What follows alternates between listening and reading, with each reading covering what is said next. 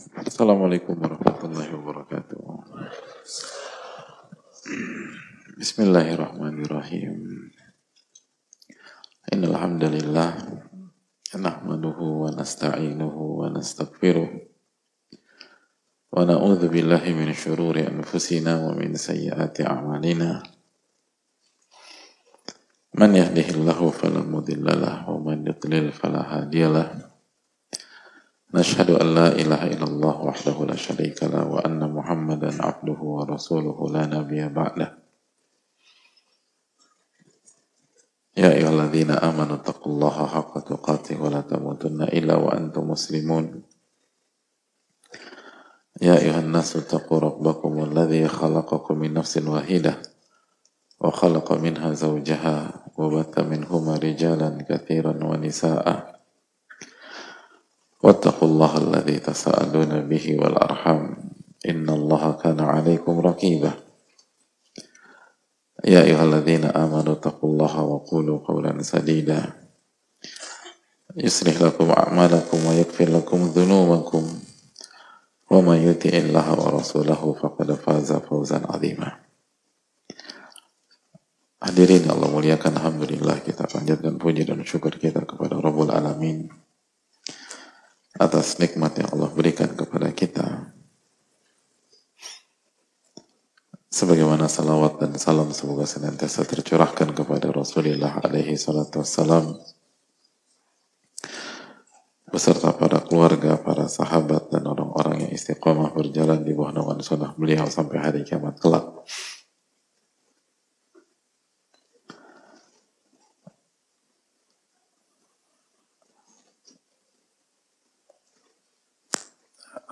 Uh, hadirin yang Allah muliakan kita bersyukur kepada Allah Subhanahu wa taala yang kembali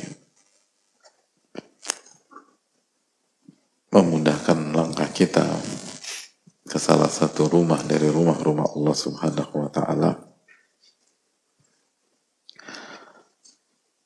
Dan kembali memberikan taufik kepada kita sehingga kita bisa duduk bersimpuh mengkaji uh, firman-firman uh, Allah dan sunnah Rasulullah Sallallahu Alaihi Wasallam. Dan ini adalah nikmat yang sangat besar.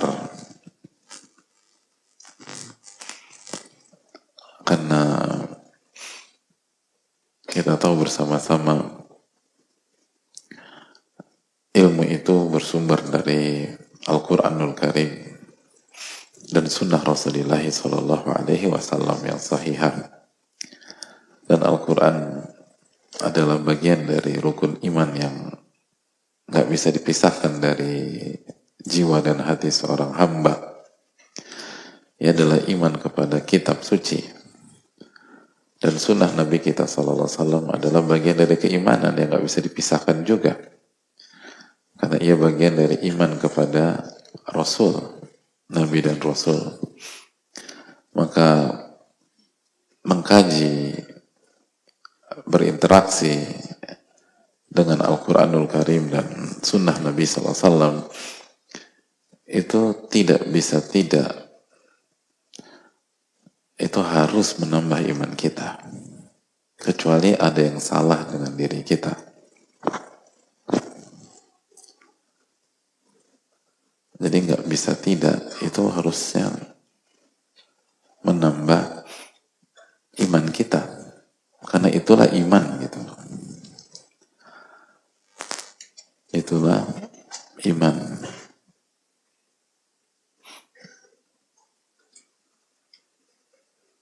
Kalau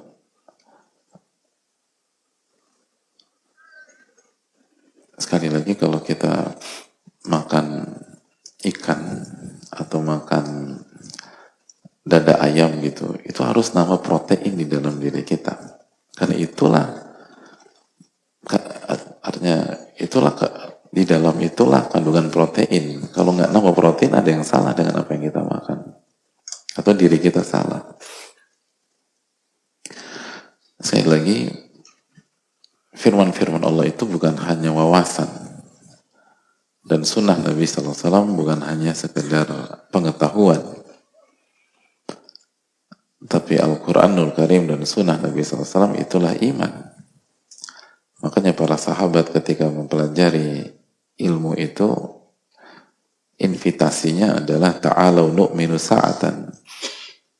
Marilah kita sejenak menambah keimanan kita. Maka ini yang harus kita resapi bersama-sama ketika kita keluar dari masjid, keluar dari kajian, apakah iman kita bertambah? Apakah kita semakin takut kepada Allah Subhanahu wa taala? Innamal ilmu khasyah.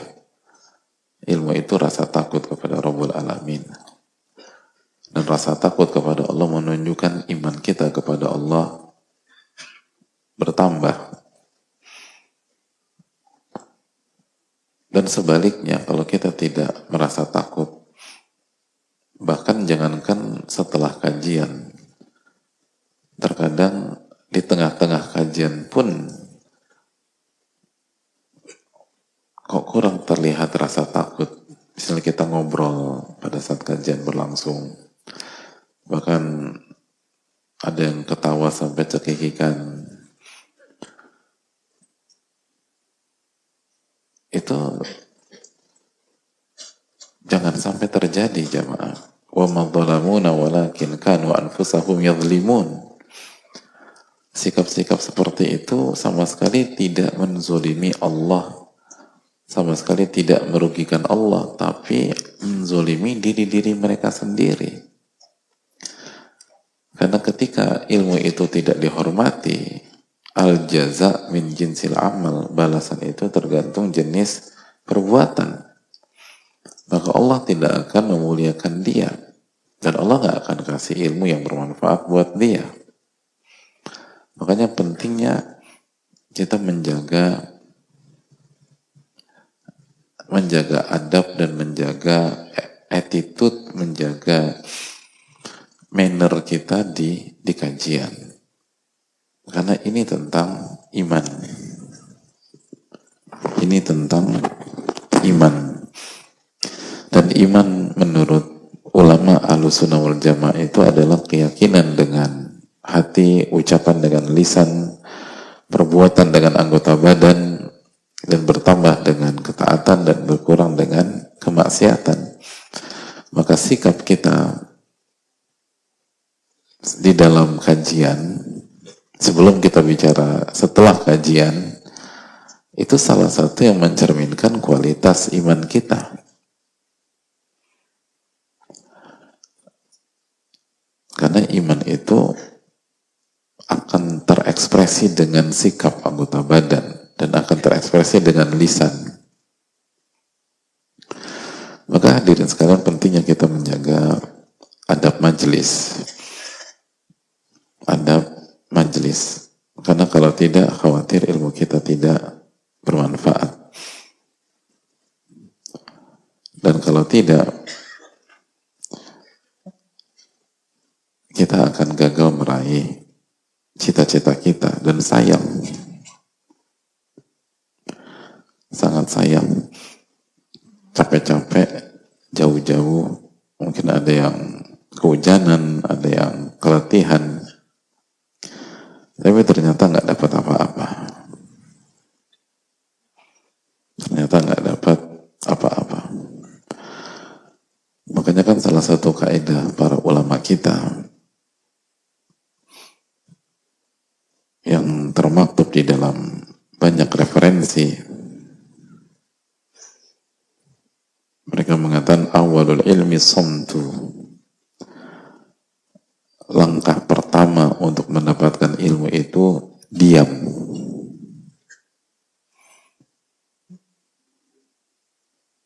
Jadi langkah pertama mendapatkan ilmu itu diam. Di antaranya disampaikan al-asma'i.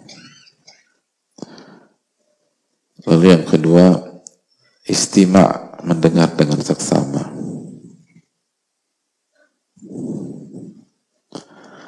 Jadi langkah pertama tuh diam dulu hadirin.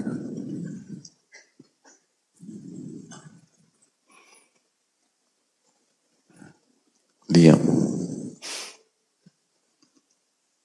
Adapun uh, Muhammad bin Nadar mengatakan awalul ilmi istima'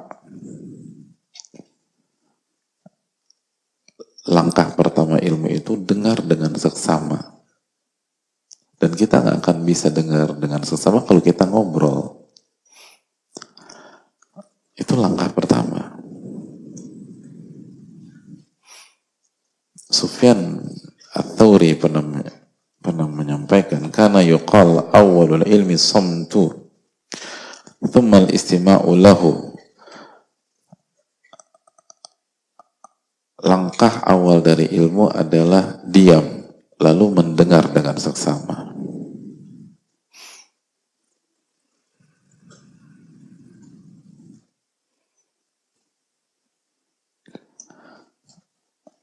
begitu juga dengan ucapan Ad-Dhahak. Ad-Dhahak rahimahullah ta'ala mengatakan awalu babin minal ilmi as-samtu wathani istima'uhu. Pintu pertama dari ilmu adalah diam. Lalu pintu kedua dengar dengan seksama. Jadi itu keterangan para ulama kita. Nah kalau kita kajian ngobrol, bicara, apalagi cekakak cekikik. Jadi itu kayak datang sama sekali nggak masuk ke dalam dunia ilmu sama sekali. Bahkan pintu pertamanya aja gagal masuk. Kan kata para ulama, awalu babi minal ilmi as Pintu pertamanya itu diam. Jadi kalau kita datang ngobrol, jangankan ngerti, jangankan dapat pahala, jangankan dapat keberkahan, pintu pertamanya gak dapat apa-apa, gak masuk. Itu seperti orang keluar dari rumahnya ingin ke tempat publik, tapi nggak bisa masuk dari pintu gerbang pertamanya. Mohon maaf, Anda nggak bisa masuk gitu. Itu seperti Itulah ilustrasi orang yang datang kajian ngobrol atau sibuk yang lain. Gak akan bisa. Gak akan dapat apa pun. Walaupun hadir dari awal sampai akhir. Walaupun datang dari sebelum zuhur misalnya gitu. Datang dari jam berapa mbak? Jam 9 gitu. Pengen jam 9 pagi datang. Eh pas kajian ngobrol, ya nggak dapat apa-apa. Karena itu langkah pertama itu. Awalul ilm, langkah pertama. Itu harus diam. Nggak bisa bicara. Jadi ini hal yang perlu kita tanamkan hadirin. Dan iman kita tidak akan bertambah. Kalau cara kita demikian. Karena sekali lagi ilmu itu bukan sekedar wawasan. Walaupun kita ngerti, mungkin kita ngerti.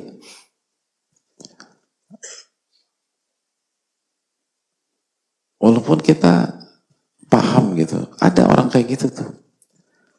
Dari awal tuh terlihat dia tuh tidur gitu. Ketika ditanya bisa jawab. Dan dia tahu, padahal kayaknya nggak perhatiin. Atau ada yang orang main mainin apa, main macam-macam lah. Ketika ditanya bisa dia jawab.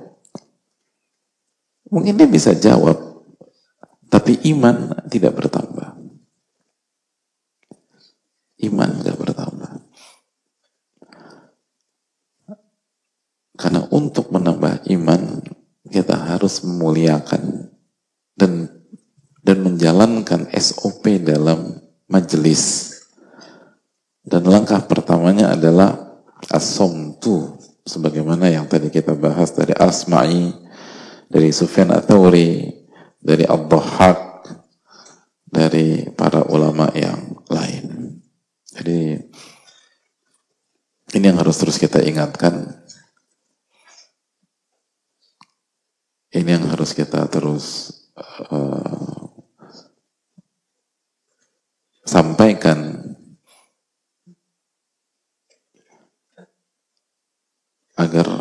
kita berkah. Dan khususnya bagi uh, dunia ibu-ibu di balik itu balik apa tuh? Balik hijab ya. Gimana ibu-ibu siap diam nggak bu? Benar-benar diam. Luar biasa. Katanya suruh diam Pak Ustadz. Ya kita diam terus.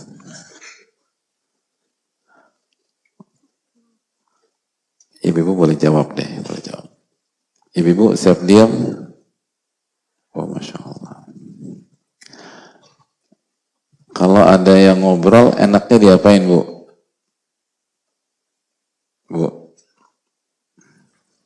Hmm? Oh, diam lagi tuh.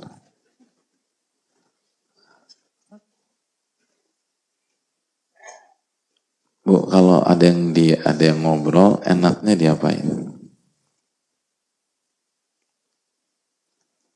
Jadi,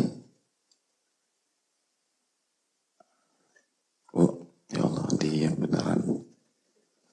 Berkah di ibu-ibu ini. Dinasehati. Jangan didiamkan. Ada yang ngobrol, dinasehati. Kalau Ibu bisa dengar saya nggak? Bisa dengar saya ibu ya? Oke, jadi kalau ada yang ngobrol diapain? Didiamkan atau di apa? Di dihentikan bu. Dihentikan tapi jangan galak-galak, lemah lembut gitu loh. Jadi kita diamkan atau tidak ibu-ibu? Ibu-ibu, Oke. Kalau kita biarkan mereka ngobrol, berarti kita sayang atau tidak sama mereka. Ya, masya Allah. Sedangkan ibu-ibu sayang nggak sama yang lain? Enggak. Emang belum ada kasih sayang. Jangan kalau kita diemin, biarin, itu berarti kita nggak sayang sama saudara kita. Jadi ibu-ibu siap nggak berkomitmen kalau ada yang ngobrol, ada yang bicara, saling diingatkan. Setuju ya? Kalau udah diingatkan, galakan dia ibu-ibu. Gimana coba? Hah? Bu, kita lemah lembut kasih nasihat. Eh galakan dia. Gimana sikap ibu-ibu? Hah? Dieksekusi. Serem banget ya ibu nih. Mana eksekusi aja.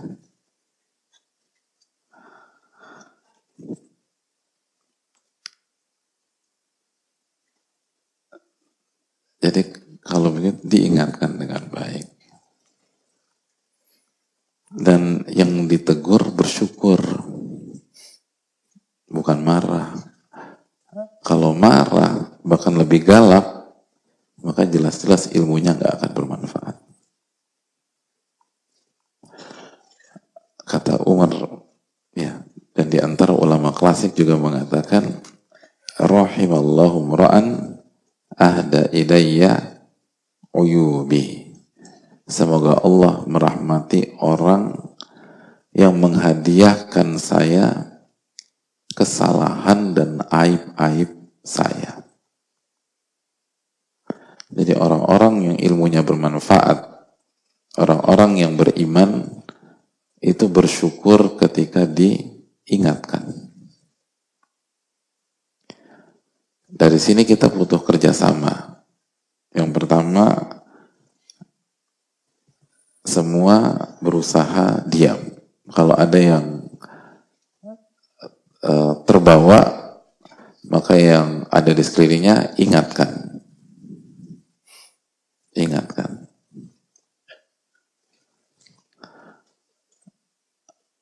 Dan yang diingatkan bersyukur kepada Allah Subhanahu wa taala dan berterima kasih kepada yang mengingatkan. Dan begitu juga dengan panitia tolong diingatkan. Dan terus kedepankan lemah lembut dan uh, kesantunan.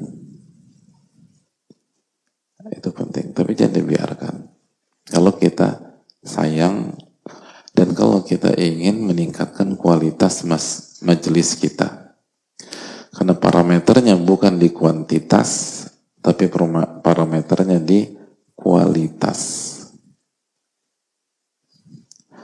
Makanya ulama kita mengatakan qalilun yabqa fayanfa. Sedikit tapi langgeng dan bermanfaat itu lebih baik daripada banyak menguap dan nggak ada artinya. Gitu. Sama kayak kajian. Sedikit orang tapi langgeng, istiqomah, beradab, ber, diamalkan, lalu bermanfaat itu jauh lebih baik daripada majelis itu banyak tapi nggak ada nggak ada kualitasnya ya ngobrol lah ya inilah dan seterusnya nah ini kita harus jaga majelis kita fokuslah pada kualitas fokuslah pada kualitas dan insya Allah setiap setiap kita yang datang ke majelis itu menunjukkan ada niat baik, ada etikat baik, ada effort, ada upaya. Karena kan nggak mudah juga datang ke sini. Maka semoga uh, proses ini bisa di dijalani. Dan khilaf lalu ngobrol sedikit itu bisa terjadi dengan siapa saja Ya namanya juga manusia suka khilaf. Tapi jangan sampai ngotot di atas kekhilafan. Itu jadi sombong. Dan orang yang sombong dikhawatirkan tidak masuk surga. La jannata man kana fi qalbihi mithqalu dzarratin min kibrin. Tidak akan masuk surga. Orang yang di dalam hatinya terdapat benih kesombongan walaupun sebesar partikel terkecil. Dan sombong batarul haq wa gumtun nas, kata Nabi SAW. Menolak kebenaran dan meremehkan manusia. Allah Ta'ala alam. Mungkin itu. Ya hadirin ya Allah muliakan itu yang perlu kita camkan bersama-sama. Dan semoga Allah memberikan kita ilmu yang bermanfaat dan melindungi kita dari ilmu yang tidak bermanfaat. Amin ya rabbal alamin. Dan kita akan kembali lagi bersama uh, Al-Allama Ibnu Jama' Al-Kinani rahimahullahu ta'ala dalam kitab Tadkiratus Sami Ul Mutakallim sebuah karya yang menjelaskan tentang bagaimana adab dalam menuntut ilmu. Lihat, kita belajar kitab adab dalam menuntut ilmu. Maka tantangan kita dan ujian kita adalah bagaimana mengamalkan isi dari kitab ini. Dan kalau kita gagal mengamalkan di majelis, lalu bagaimana mengamalkan di luar majelis? Jauh lebih sulit. Dan memang butuh waktu. Memang butuh proses, nggak ada masalah. Dan itu kita harus harus berikan kesempatan. Berikan kesempatan. Salah satu uh, guru kami menyampaikan, kasih kesempatan untuk saudaramu terjatuh ke dalam kesalahan pada saat berproses menjadi orang baik gitu. Bukan didukung salah enggak. Tapi yang namanya berproses itu nggak mungkin langsung bisa. Nah kita harus kasih kesempatan itu. Benar nggak sih hadirin mungkin nggak orang langsung bisa gitu. Secara umum kan enggak. Dulu belajar jalan butuh berapa hari hadirin? Yang tiga hari siapa? Saya kasih hadiah. Tiga hari. Ada? Nggak ada. Dua hari, dua hari. Satu hari, begitu lahiran, lalu bilang ke dokter dok gak usah dibantu aku bisa jalan sendiri kok. Gitu. Uh, fitting room di mana dok ya? Terus ke fitting room tuk tuk tuk tuk tuk tuk tuk gitu lah. Terus pakai baju gitu lah. Ada nggak ada. Semua latihan. Nanti kesimbangan terus jatuh. Nanti kejedot lalu kepleset. Sampai nggak bisa diem gitu. Lari sana lari sini tiba-tiba ngilang gitu loh ke rumah bertamu tiba-tiba pas di di mobil anak kita mana ya? Di mana anak kita? Ketinggalan misalnya karena saking aktifnya gitu. Tapi anak-anak yang aktif itu kan nggak bisa langsung lancar berjalan. Sama samanya begitu. Itu demikian. Bicara gitu butuh berapa waktu kita bisa fasih dalam berbahasa Indonesia misalnya. Yang seminggu siapa seminggu di sini? Udah lancar.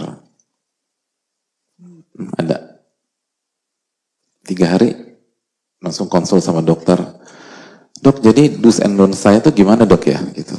Setelah tiga hari dilahirkan ke dunia yang fana ini, terus konsul langsung sama dokternya. Jadi aku harus ngapain dok ya? Gitu. Aku masih tiga bulan uh, kapan aku udah bisa makan sayur asem dok? Gitu langsung ngomong gitu.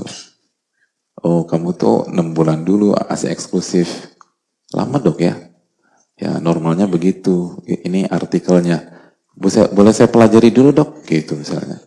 Bayi tiga hari ini. Kan nggak ada yang begitu. Semua proses.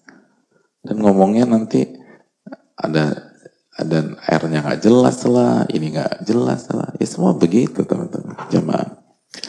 Tapi berproses gitu loh. Yang jadi masalah kalau jalan di tempat dari proses tersebut gitu.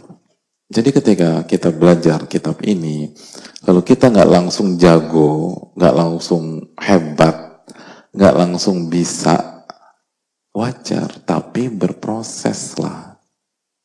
Jangan dibiarkan begitu saja menguap dan akhirnya kajian itu hanya cuman rutinitas pekanan. Itu akan membuat kita cepat futur. Dan kalau udah futur bisa jadi nggak balik lagi.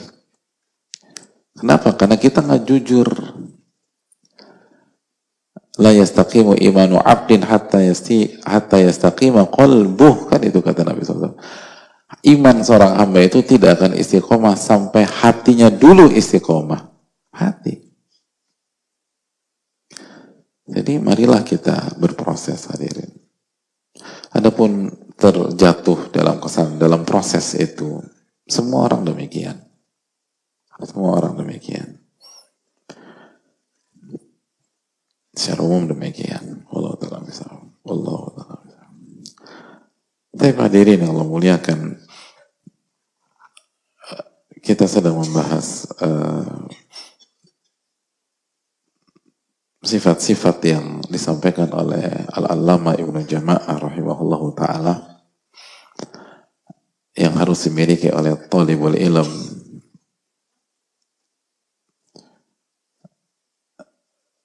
Sebaliknya juga yang harus dijauhi oleh penuntut ilmu.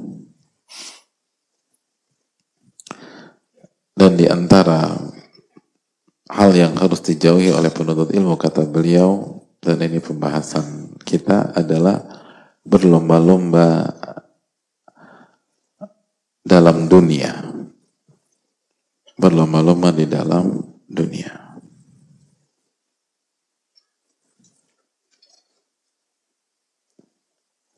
Jadi berlomba-lomba di dalam urusan dunia itu adalah hal yang harus dijauhi oleh penuntut ilmu.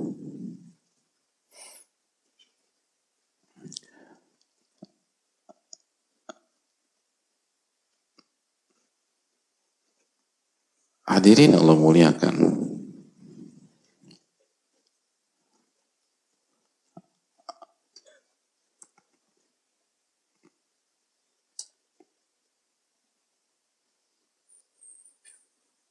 Artinya seorang penuntut ilmu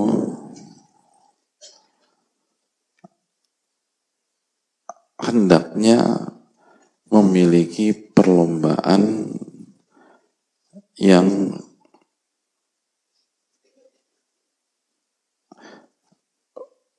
berada dalam ridho Allah Subhanahu wa taala. Ia memang harus berlomba. Tapi bukan berlomba-lomba dalam urusan dunia. Penuntut ilmu itu harus berlomba di dalam kebaikan. Allah berfirman dalam surat Al-Baqarah ayat 148, Fastabiqul khairat maka berlomba-lombalah dalam kebaikan.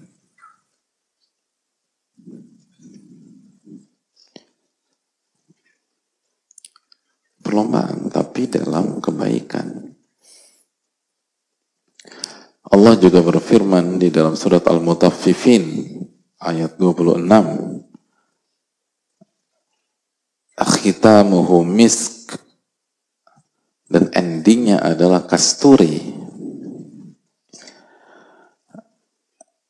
Wa fi dzalika mutanafisun. Dan dalam ini, dalam konteks inilah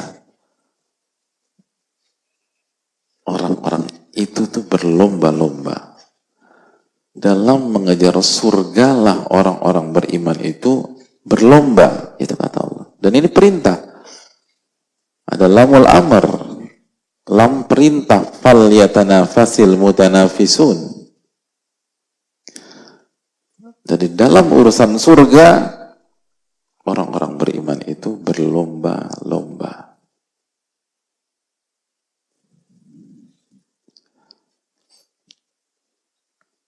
Karena konteks ini, ini tentang surga. Kalau kita mundur sejenak ke ayat ke-22, apa kata Allah? Innal abrara fi na'im. Sesungguhnya orang-orang baik itu dalam kenikmatan dalam surga. Alal araiki yang turun mereka melihat dari dipan-dipan mereka. Ta'rifu fi wujuhihim nadratan na'im. Yusqawna min rahiqim makhtum khitamuhu misk. Wa fi dhalika falyatanafasil mutanafisun. Dan dalam konteks inilah orang-orang beriman itu berlomba gitu. Jadi ketika kita berhijrah, ketika kita belajar, ketika kita ingin menjadi penuntut ilmu sejati, pada saat kita ingin ilmu kita bermanfaat, ketika kita ingin ilmu kita merubah diri kita, sikap kita, pola pikir kita, kehidupan kita, kita ingin ilmu kita bisa kita gunakan untuk merubah rumah tangga kita, keluarga kita, maka pastikan jangan sampai kita salah memilih cabang perlombaan yang akan kita geluti di dalam kehidupan. Jadi jangan salah pilih cabang. Gitu. Itu penting. Karena sejago-jagonya, analoginya nih ya, sejago-jagonya atlet Kalau dia salah pilih cabang, gagal dia. Itu hadirin.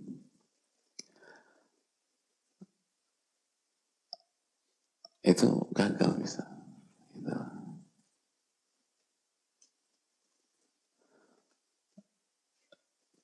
Pemain bola terbaik gitu. Begitu di Olimpiade ikut cabang bola voli, kalah dia hadirin. Itu bukan cabang dia. Sprinter 100 meter, begitu dia ikut cabang maraton, kalah dia. Padahal jago nih orang. Jago. Kita katakan, kita nggak meragukan skill Anda. Tapi ini bukan cabang Anda. Kalau Anda paksakan, Anda akan kalah. Nah begitu juga dengan orang-orang beriman. Orang-orang beriman itu perlu konteks perlombaannya adalah mengejar surga. Wa fi dzalika falyatanafasil mutanafisun. Dalam surga, dalam menggapai surga itulah hendaknya orang-orang beriman itu berkompetisi, berlomba.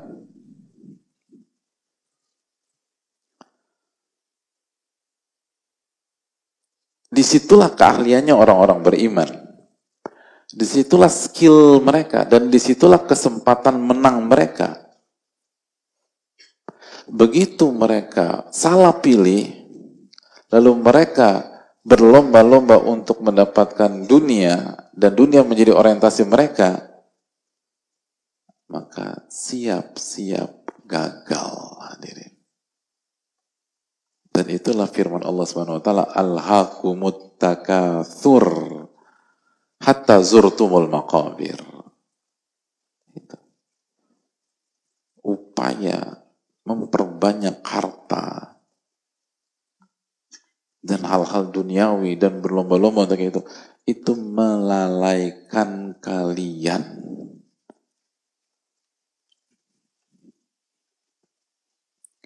itu melalaikan kalian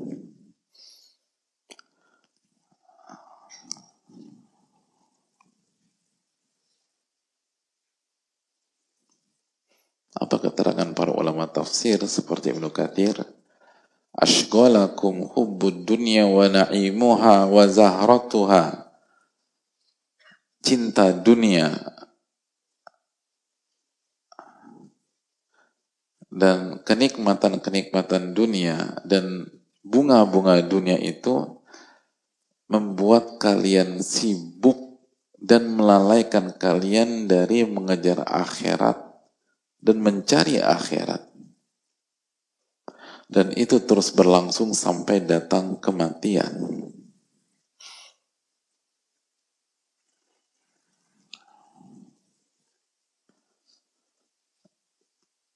Sebagian ulama juga memberikan keterangan seperti As-Sa'di rahimahullah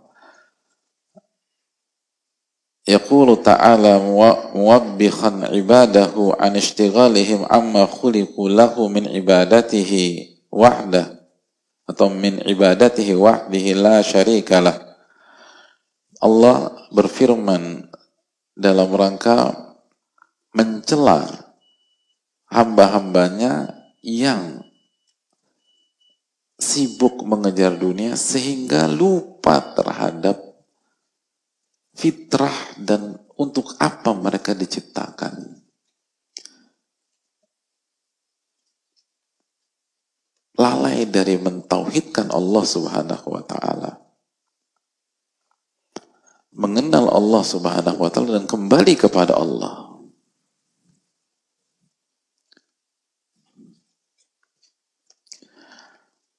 Jadi Allah sudah jelaskan al-hakumut takathur ketika kalian berlomba-lomba dalam masalah dunia, maka itu akan melalaikan kalian. Nah, melalaikan kalian itu berarti kita akan menang apa kalah hadirin? Hah? Kalah, itu poin. Anda akan kalah. Sejago apa pun, sejenius apa pun, secerdas apa pun, seexpert apa pun, Sehebat apa pun pengalaman dalam hidup, begitu Anda salah memilih tempat atau konteks berkompetisi, Anda akan kalah. Anda akan kalah. Itu.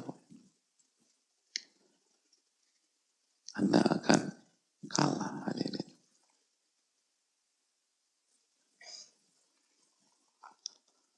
Gitu. Karena bukan keahlian kita di situ, jemaah.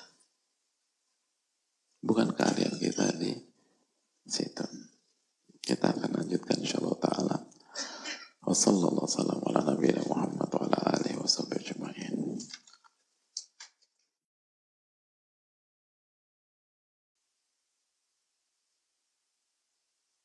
Assalamualaikum warahmatullahi wabarakatuh. Bismillahirrahmanirrahim. Alhamdulillahirabbil alamin. Wa bihi nasta'in ala umuri dunya wa din wa salatu wassalamu ala asyrafil anbiya wal mursalin wa ala alihi wa sahbihi ajma'in wa ba'd.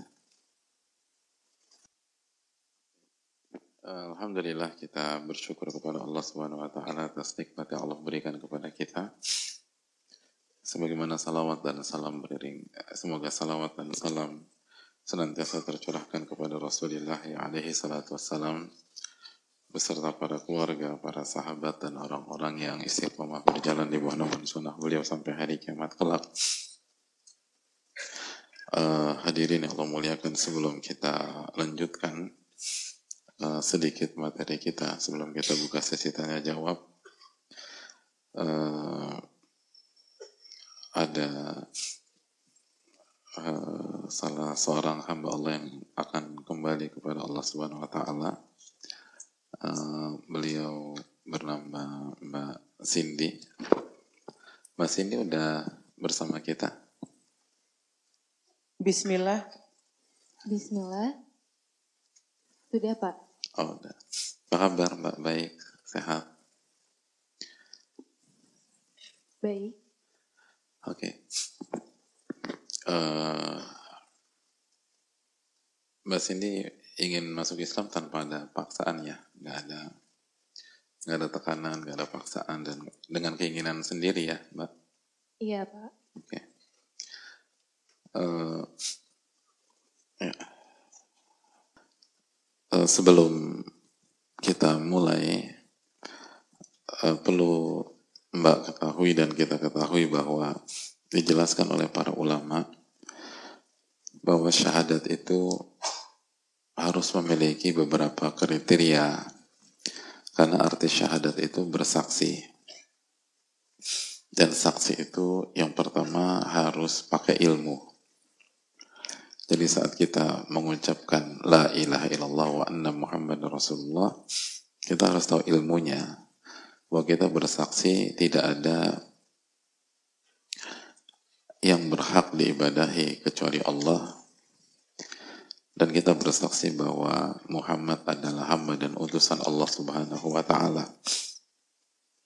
Lalu yang kedua, kita harus yakin karena saksi itu harus yakin dengan apa yang dia sampaikan. Kalau dia ragu-ragu, maka di dunia pengadilan persaksiannya ditolak. Maka orang yang bersyahadat harus yakin dengan apa yang dia ucapkan. Lalu yang ketiga, dia ucapkan. Karena kalau dia hanya tahu, dia yakin, tapi dia tidak ucapkan, maka tidak ada persaksian. Itu bukan syahadah. Yang keempat, agar keislamannya di di apa diketahui dan bisa disikapi sebagai seorang muslim dia sampaikan di hadapan yang lain. Karena kalau yang namanya saksi itu disampaikan di di pengadilan atau di hadapan pihak lain. Karena kalau dia sendiri saja, maka saudara-saudara yang lain tuh nggak tahu bahwa dia sudah menjadi saudara seiman dan seakidah. Maka uh, momen seperti ini uh, insya Allah tepat untuk uh, bersyahadat. Bisa dimulai Mbak Cindy atau ada pertanyaan? Bisa dimulai Pak. Oke. Okay. Uh, Mbak bisa ikuti saya. Bismillahirrahmanirrahim. Ashadu Ashadu Allah ilaha Allah ilaha illallah illallah wa ashadu wa asyhadu anna Muhammadan anna Muhammadan abduhu abduhu wa rasuluhu. wa rasuluhu. Aku bersaksi Aku bersaksi bahwa tidak ada bahwa tidak ada ilah ilah yang berhak yang berhak diibadahi diibadahi kecuali kecuali Allah. Allah. Dan aku bersaksi Dan aku bersaksi bahwa Muhammad bahwa Muhammad adalah hamba adalah hamba dan utusan dan utusan Allah. Allah. Wafaqakillah lima yuhibbu yarda. Wafaqakillah lil istiqamah ala al-islam hatta al-mamat. Wa wafaqakillah uh, lima yuhibbu yarda. Uh, Mbak sudah uh, masuk ke dalam agama Islam dan semoga Allah menjaga keimanan dan ketakwaan Mbak. Dan ini adalah awal dari sebuah lembaran baru. Dan kita tahu bahwa Islam menggugurkan seluruh dosa yang dilakukan sebelumnya. Maka bersyukurlah kepada Allah Subhanahu wa taala. Dan semoga Allah memberkahi uh, kehidupan Mbak. Dan setelah ini uh, Mbak perlu mandi uh, sebagaimana yang dijelaskan dan dalam riwayat. Lalu mbak bisa sholat maghrib dibimbing dan di apa diajarkan oleh teman-teman. Dan nanti pas sholat isya ikut lagi sholat isya. Dan apa yang bisa uh, kami bantu kami lakukan maka jangan sungkan-sungkan uh, jazakallah khairan. Semoga Allah memberkahi mbak dan kita semua. Amin ya rabbal alamin. Taib.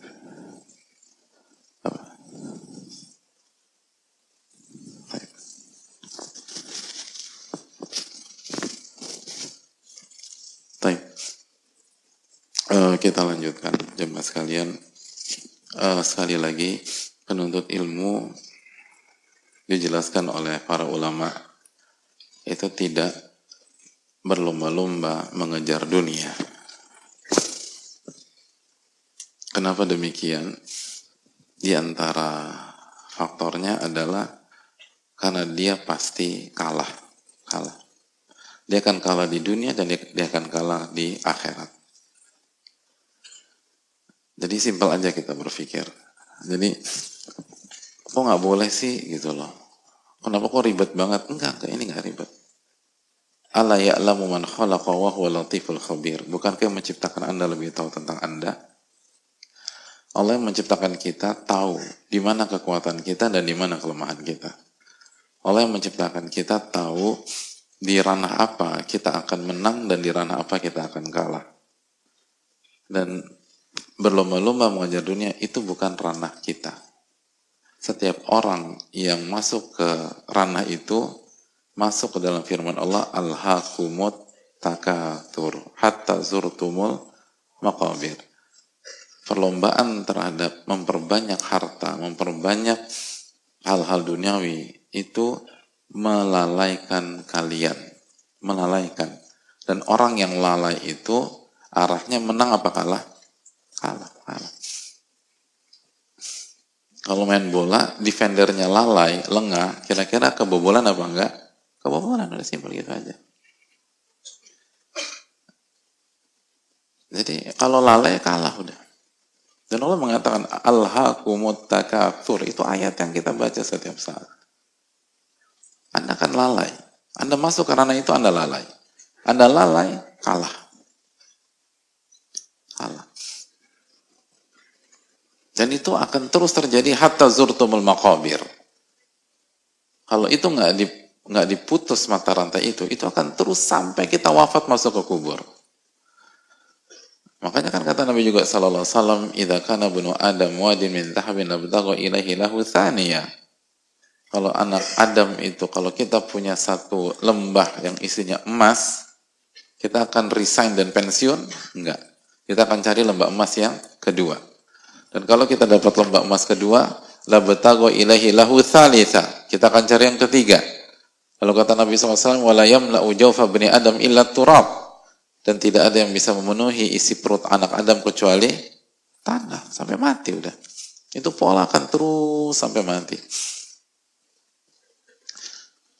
Jadi ketika Allah dan Rasulnya Sallallahu Alaihi Wasallam, lalu para ulama kita mewanti-wanti jangan berlomba-lomba terhadap dunia, jangan berlomba-lomba terhadap dunia. Itu bukan ingin membatasi potensi hadirin sekalian itu bukan ingin menghalang-halangi, bukan ingin membelenggu, namun pencipta kita paling ngerti tentang kita.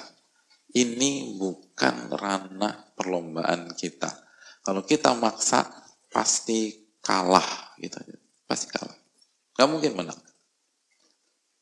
Pasti kalah.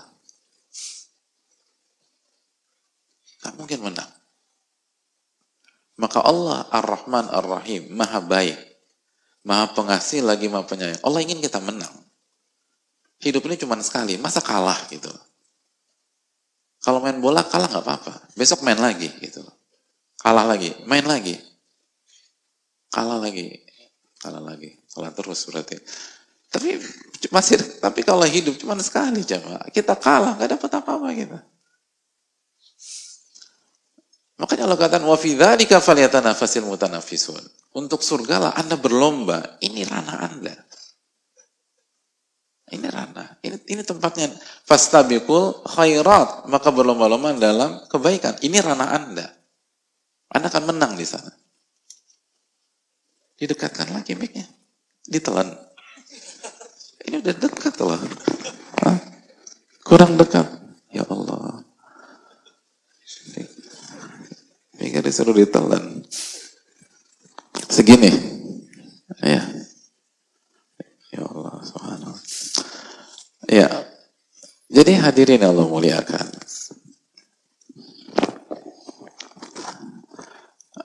Benar segini. Jadi silakan berlomba, tapi ikutilah perlombaan yang peluang menangnya besar. Bahkan dalam kasus ini pasti menang. Kan enak kan gitu kan. Kita ada dua, misalnya kita olahraga nih, ada dua cabang olahraga. Yang satu pasti kalah. Kalau kita maksa pasti kalah. Yang kedua, kita pasti menang. Karena ambil yang pertama. Ini Anda pasti kalah. Anda pasti lalai, habis salahnya kalah udah. Pasti kalah udah. Nggak mungkin Rob kita bohongin kita tuh nggak mungkin. Manusia bohongin kita mungkin. Tapi Allah bohongin kita.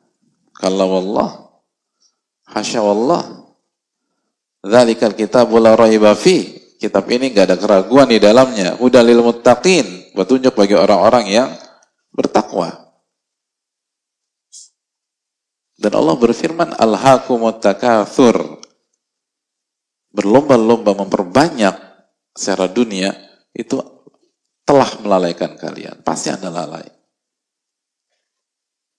Pasti ada lalai. Dan orang lalai yang kalah.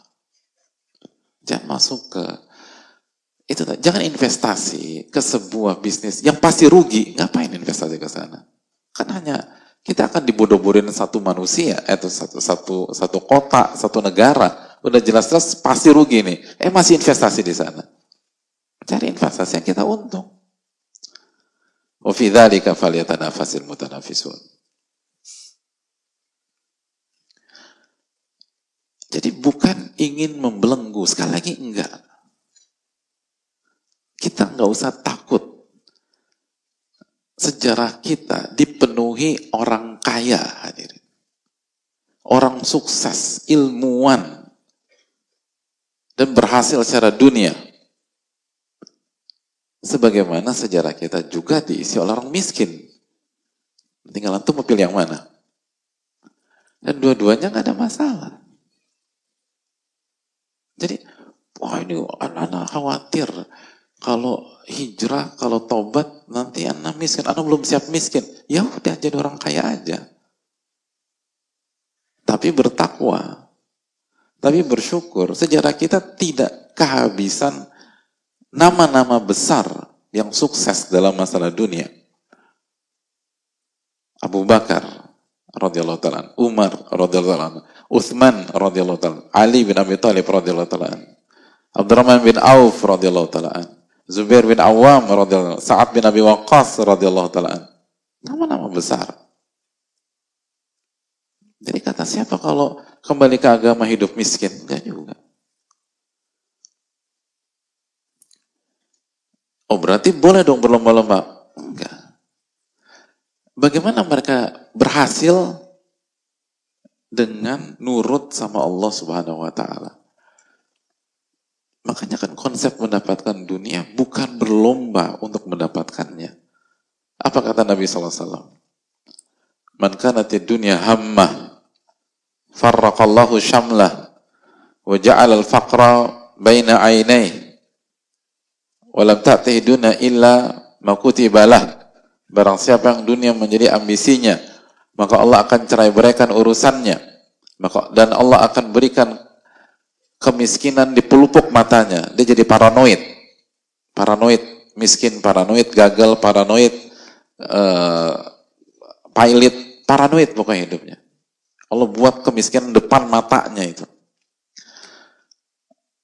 Lalu dia jungkir balik kayak apa pun, dunia yang datang hanya yang Allah takdirkan buat dia, nggak lebih.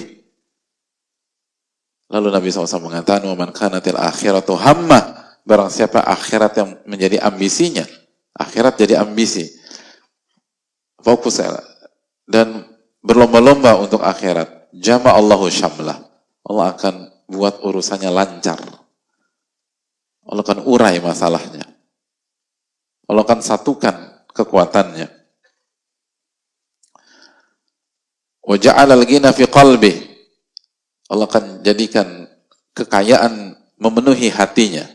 Allah masukkan kekayaan dalam hatinya. Wa ta'tihi dunya wa ragimah dan dunia akan datang dalam kondisi hina. Itu.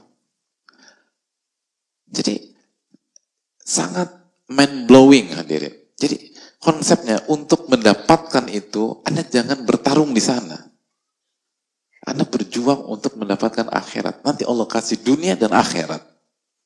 Tapi kalau kita berlomba-lomba untuk berambisi dapat dunia, Anda kehilangan dunia, Anda kehilangan akhirat. Dan kalaupun kalaupun dapat dunia, casingnya saja. Tapi rohnya nggak akan. Jannatul dunia tidak akan. Surga dunia enggak. Mungkin kaya, tapi nggak bahagia. Kaya, tapi nggak tenang. Kaya, tapi berantakan hidupnya. Jadi hadirin Allah muliakan. Allah itu sayang sama kita. Ulama sayang sama kita. Nggak ada maksud menghalangi. Nggak ada maksud untuk udah tinggalin semuanya. Enggak. Silakan baca sejarah. Bagaimana nama-nama besar itu hadir.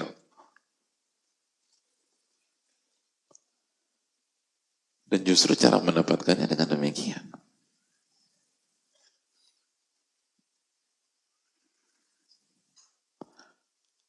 Makanya Umar bin Abdul Aziz, siapa beliau? Khalifah, orang nomor satu, punya semuanya. Dunia tuh di tangan beliau. Tapi apa nasihat beliau? fala yaghurrannakum iqbaluha ma'a ma'rifatikum idbariha. Jangan sampai kedatangan dunia kepada Anda membuat Anda terkecoh, membuat Anda lupa diri, membuat Anda tertipu. Sedangkan Anda tahu dia akan pergi dengan cepat. Wal magrur man iktarra biha. Dan orang-orang yang tertipu adalah orang-orang yang tertipu dengan dunia. Sosok yang mengatakan ini miskin. Enggak, kaya. Khalifah. Orang nomor satu. Justru mereka mengerti cara bermain di dunia, itu poinnya. Dan dan mereka tidak menggadaikan jiwanya untuk itu. Enggak. Benar-benar jadi penguasa, real. Karena ada banyak pihak terkesan menguasai dunia, tapi sejatinya budaknya dunia. Karena diatur sama dunia.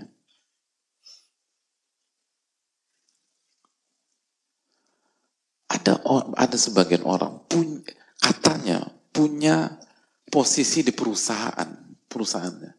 Tapi untuk mengatur waktu dengan anak dia aja nggak bisa. Gitu.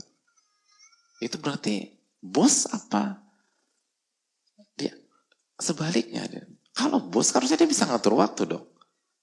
Tapi untuk punya waktu, untuk ngeblok waktu buat anaknya aja nggak bisa. Terus ribut sama istrinya. Kamu tuh nggak pernah punya waktu sama anak. Terus berdalih. Aku kan kerja buat anak juga. Untuk menutupi kegagalannya dalam apa? Bukan mendidik, mendapatkan waktu untuk anaknya sendiri. Nggak ada waktu nih, nggak bisa. Mentok di, di blok.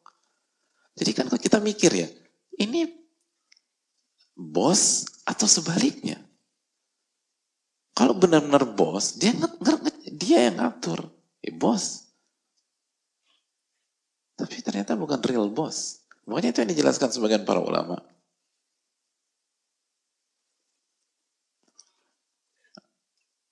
Makanya kan bahasa sebagian ulama kan abna udunya gitu. Anak-anak dunia. Yang namanya anak tuh diatur sama bapaknya gitu. Jadi terkesan aja kayaknya kaya segala macam. Dia tuh anak-anak, diatur. Siapa yang ngatur? Ya dunia itu ngatur dia. Gak bisa ngapa-ngapain. Itu yang tidak diinginkan oleh para ulama kita. Karena kemerdekaan itu mahal. Buat apa? Punya semuanya tapi nggak merdeka.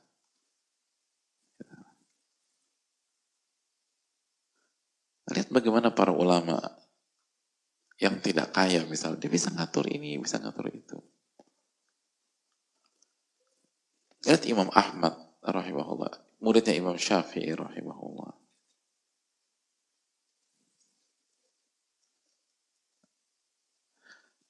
Beliau nggak kaya.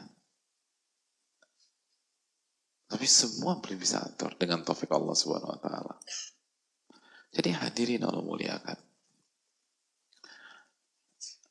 Sekali lagi, kalau ingin menang, ya begini caranya. Seperti ini. Adapun kaya atau miskin, sebagaimana yang sudah kita jelaskan dari keterangan para ulama, itu apa, op, apa pilihan berjuang aja di dunia untuk meraih surga, untuk bermanfaat. Ada yang memilih di jalur kekayaan, ada yang memilih di jalur kemiskinan. Itu yang dikatakan Imam Syafi'i, rahimahullah. Kata beliau, sebagian ulama yang miskin, miskinnya adalah ikhtiari, pilihan hidup. Beda sama kita. Kita tuh miskin terpaksa gitu. Emang ada opsi mentok, mentok, mentok, mentok, zuhud. Anak tuh zuhud, Afif. Ini, ini mentok gitu. Kalau ulama tuh kalau mau mis, kalau mau kaya bisa. Tapi mereka enggak. Itu pun enggak semuanya. Karena sebagian ulama ada yang kaya. Abu Hanifah kaya. Laith bin Sa'ad kaya. Ibnu Mubarak kaya Ibnu Mubarak.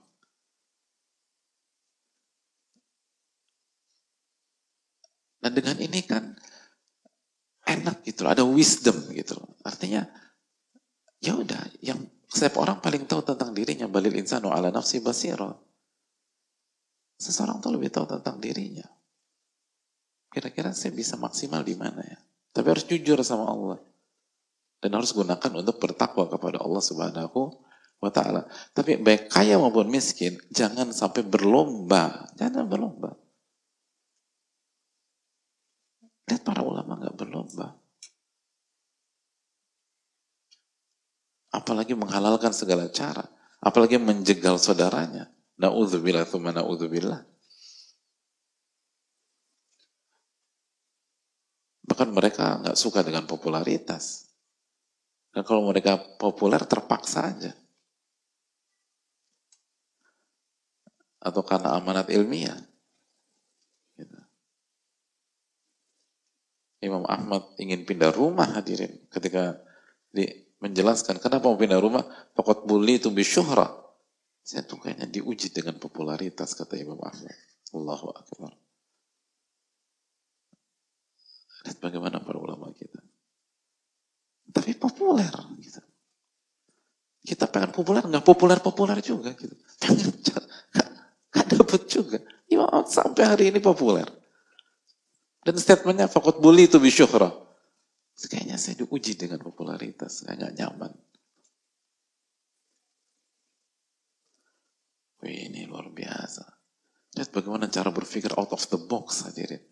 Tapi dapat gitu loh, sukses dunia, sukses akhirat.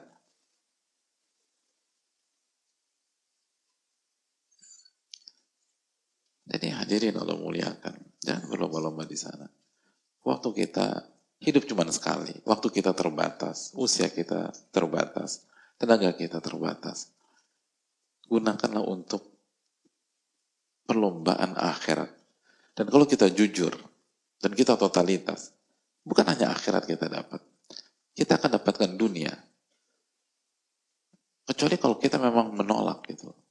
Sebagaimana kata Pak, sebagaimana sikap para ulama atau sebagian para ulama. Allah Ta'ala alam bisawab. Ini yang bisa disampaikan, insya kita akan lanjutkan.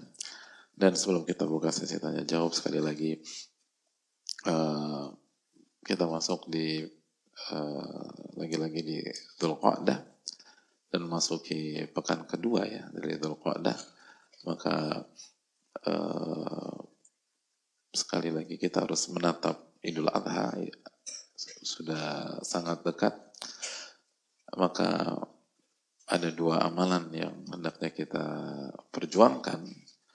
Yang pertama haji bagi yang belum haji khususnya. Yang kedua kurban. Dan keduanya adalah amal-amal spesial di 10 hari pertama di bulan Dhul Hijjah tersebut. Dan sangat sayang untuk kita lepaskan. Maka perjuangkan. Dan sekali lagi untuk haji paling nggak kita nabung dan jadikan momentum ini untuk berjuang untuk ke arah sana. Sayang kalau kita tidak perjuangkan hadirin sekalian. Itu ibadah yang sangat fenomenal, ibadah yang sangat spektakuler, ibadah yang sangat uh, ngangenin hadirin sekalian. Ngangenin. Oh, luar biasa hadirin haji itu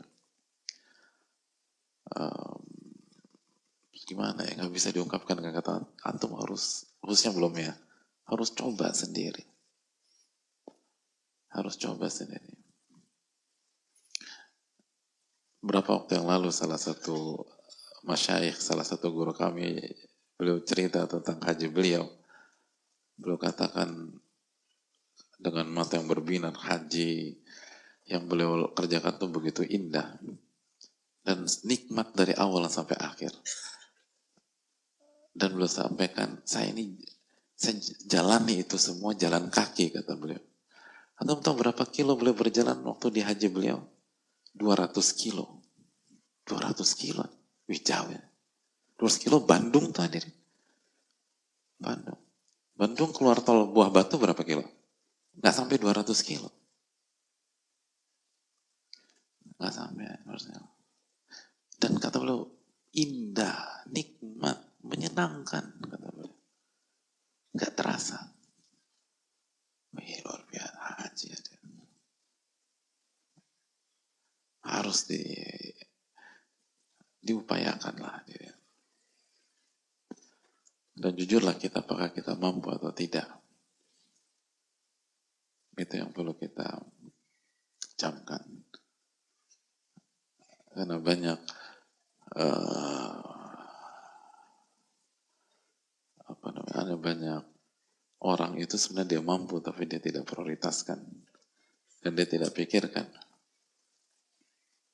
Dan akhirnya dia gagal. Dan dia kehilangan momentum. Kehilangan momentum.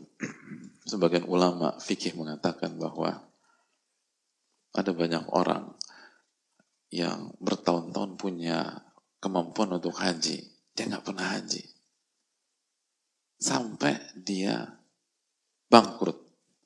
Sampai finansialnya terpuruk. Baru dia tersadar dan pengen haji. Sebagian ulama mengatakan, bisa jadi kalau dia berangkat haji, dia nggak seterpuruk itu.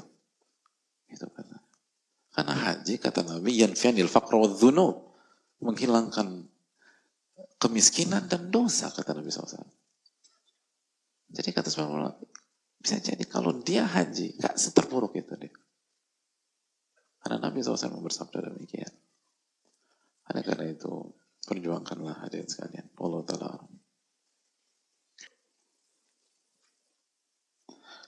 Assalamualaikum warahmatullahi wabarakatuh. Waalaikumsalam warahmatullahi wabarakatuh.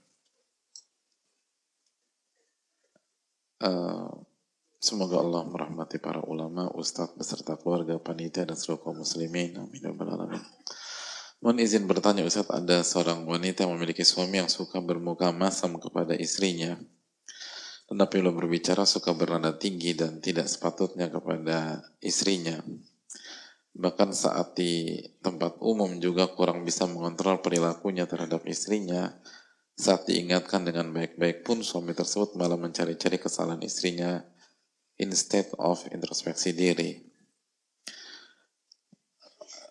Mohon nasihatnya Ustadz baik untuk laki-laki sebagai suami maupun untuk perempuan sebagai istri.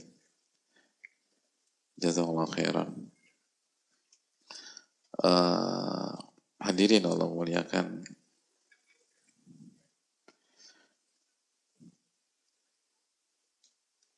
Yang pertama buat kita-kita sebagai laki-laki atau sebagai suami uh, ingatlah selalu firman Allah ar-rijalu qawwamuna 'ala nisa. Laki-laki itu pemimpin bagi wanita. Dan jangan hanya dipahami dari satu sisi bahwa kita punya hak memimpin kita. Ini bukan sebatas hak, tapi ini sebuah tanggung jawab besar gitu loh. Tanggung jawab besar yang gak mudah untuk kita emban, kecuali ditolong oleh Allah Subhanahu wa Ta'ala. Bukankah Nabi SAW bersabda, Kulukum ra'in wa kulukum mas'ulun an ra'iyatih. Setiap kalian adalah pemimpin dan setiap kalian akan ditanya tentang pihak yang kalian pimpin. Jadi menjadi pemimpin adalah bersiap ditanya oleh Allah Subhanahu wa taala. Menjadi pemimpin adalah sebuah tanggung jawab yang akan ditanyai oleh Allah Subhanahu wa taala. Dan itu yang sering kali kita lupakan. Kita sering kali ingin enaknya saja dan lupa bahwa uh, ada hak maka ada kewajiban dan jamaah yang Allah muliakan bahwa uh, pertanyaan Allah kepada para suami itu nggak mudah pertanyaan Allah kepada para suami itu berat. Makanya Allah mengatakan ittaqullaha fin nisa. Bertakwalah kepada Allah dalam menyikapi menyikapi wanita. Jadi kita suruh benar-benar bertakwa kepada Allah Subhanahu wa taala, bukan pakai emosi. Jadi menyikapi istri itu bukan pakai emosi, bukan pakai amarah, bukan pakai kekuatan fisik yang lebih tapi menyikapi istri itu harus dengan ketakwaan. Kalau kita ingin selamat di akhirat atau kita ingin selamat di dunia dan di di akhirat. Dan kezaliman kepada istri itu akan dibalas oleh Allah Subhanahu wa taala. Dan Allah akan balas di dunia sebelum di akhirat.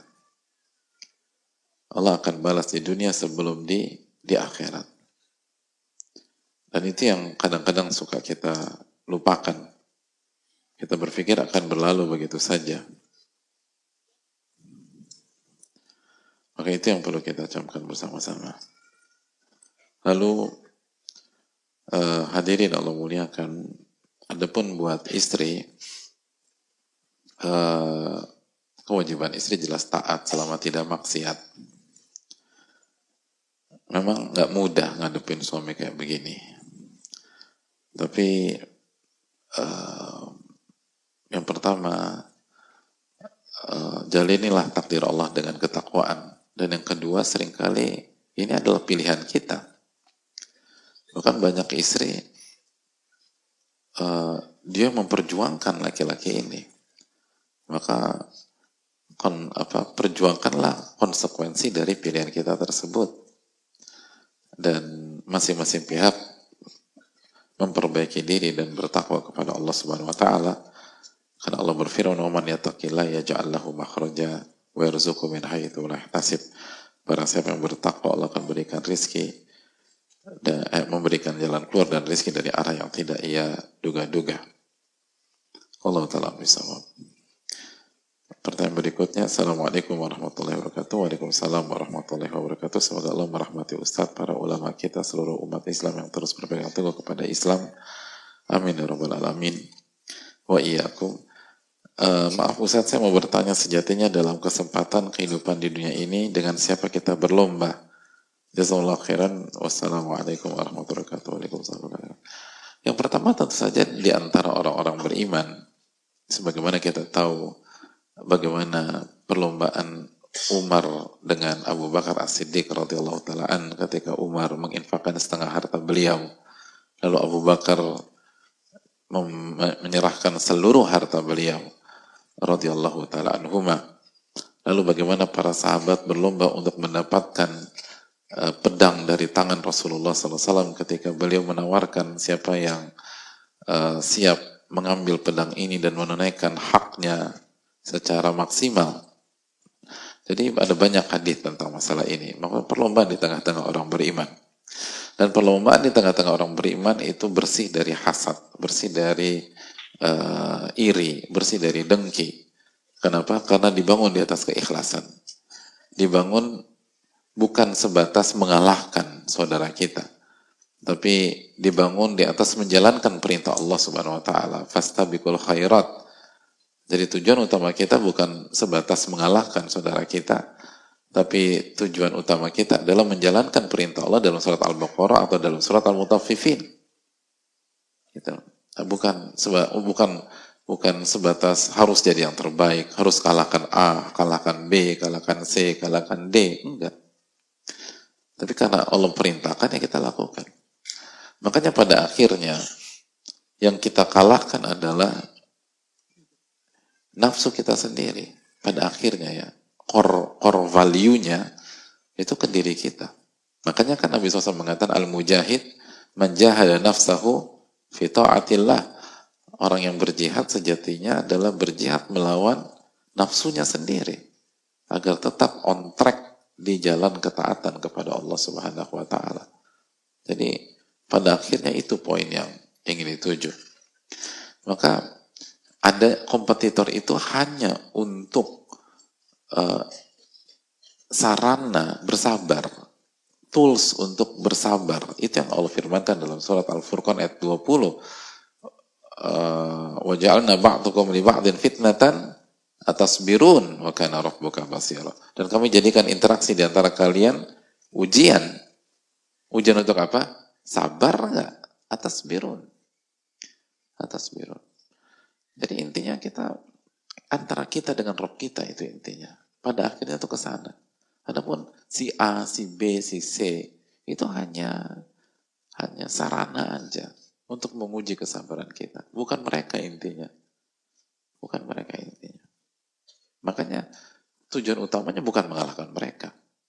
Tapi mengalahkan diri sendiri dan mengalahkan hawa nafsu yang ada pada diri kita agar tujuan utamanya adalah litahqiqi tauhid untuk mewujudkan tauhid kepada Allah Subhanahu wa ta'ala itu poinnya.